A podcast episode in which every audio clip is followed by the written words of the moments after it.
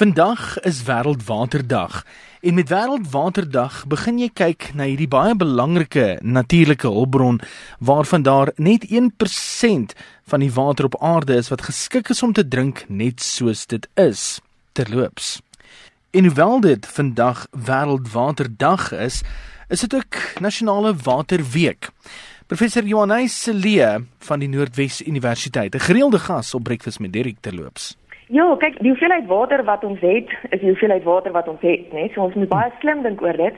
Maar ek dink tog die die huidige droogte en veral die hele situasie in Kaapstad het al die Suid-Afrikaners deeglik bewus kom maak van hoe belangrik hierdie water is en dat ons regtig nie sonder hierdie natuurlike hulpbron sal kan lewe nie.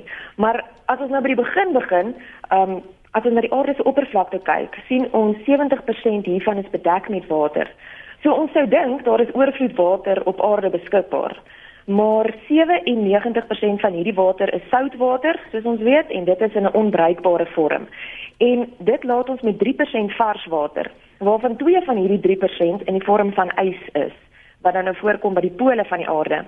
So dit beteken daar is ongeveer 1% van alle water beskikbaar vir onmiddellike gebruik.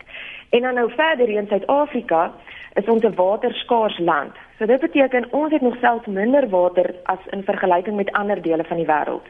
En dan natuurlik, soos die bevolking toeneem en die aanvraag na water verhoog, sal ons al hoe meer moet kyk na inisiatiewe soos die ontsouting van die seewater en die suiwering en die hergebruik van gebruikte water.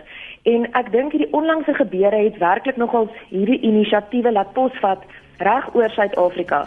Daar is op so 'n dag ook verskeie maatreëls wat jy in ag kan neem om jou bydrae te lewer tot die besparing van water. Installeer 'n laafvloei stortkop of kraanbeligters vir alle krane. Spoel die toilet net wanneer nodig. Plant inheemse plante wat minder water benodig.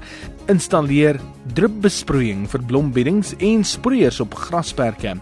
Gaar reënwater op om in die tuin te gebruik of om jou motor mee te was. Gebruik 'n besem in plaas van 'n tuinslang wanneer jy opritte of stoepe skoonmaak en bedek jou swembad om verdamping te verminder. Op dië manier dra almal sy deeltjie by tot die besparing van water.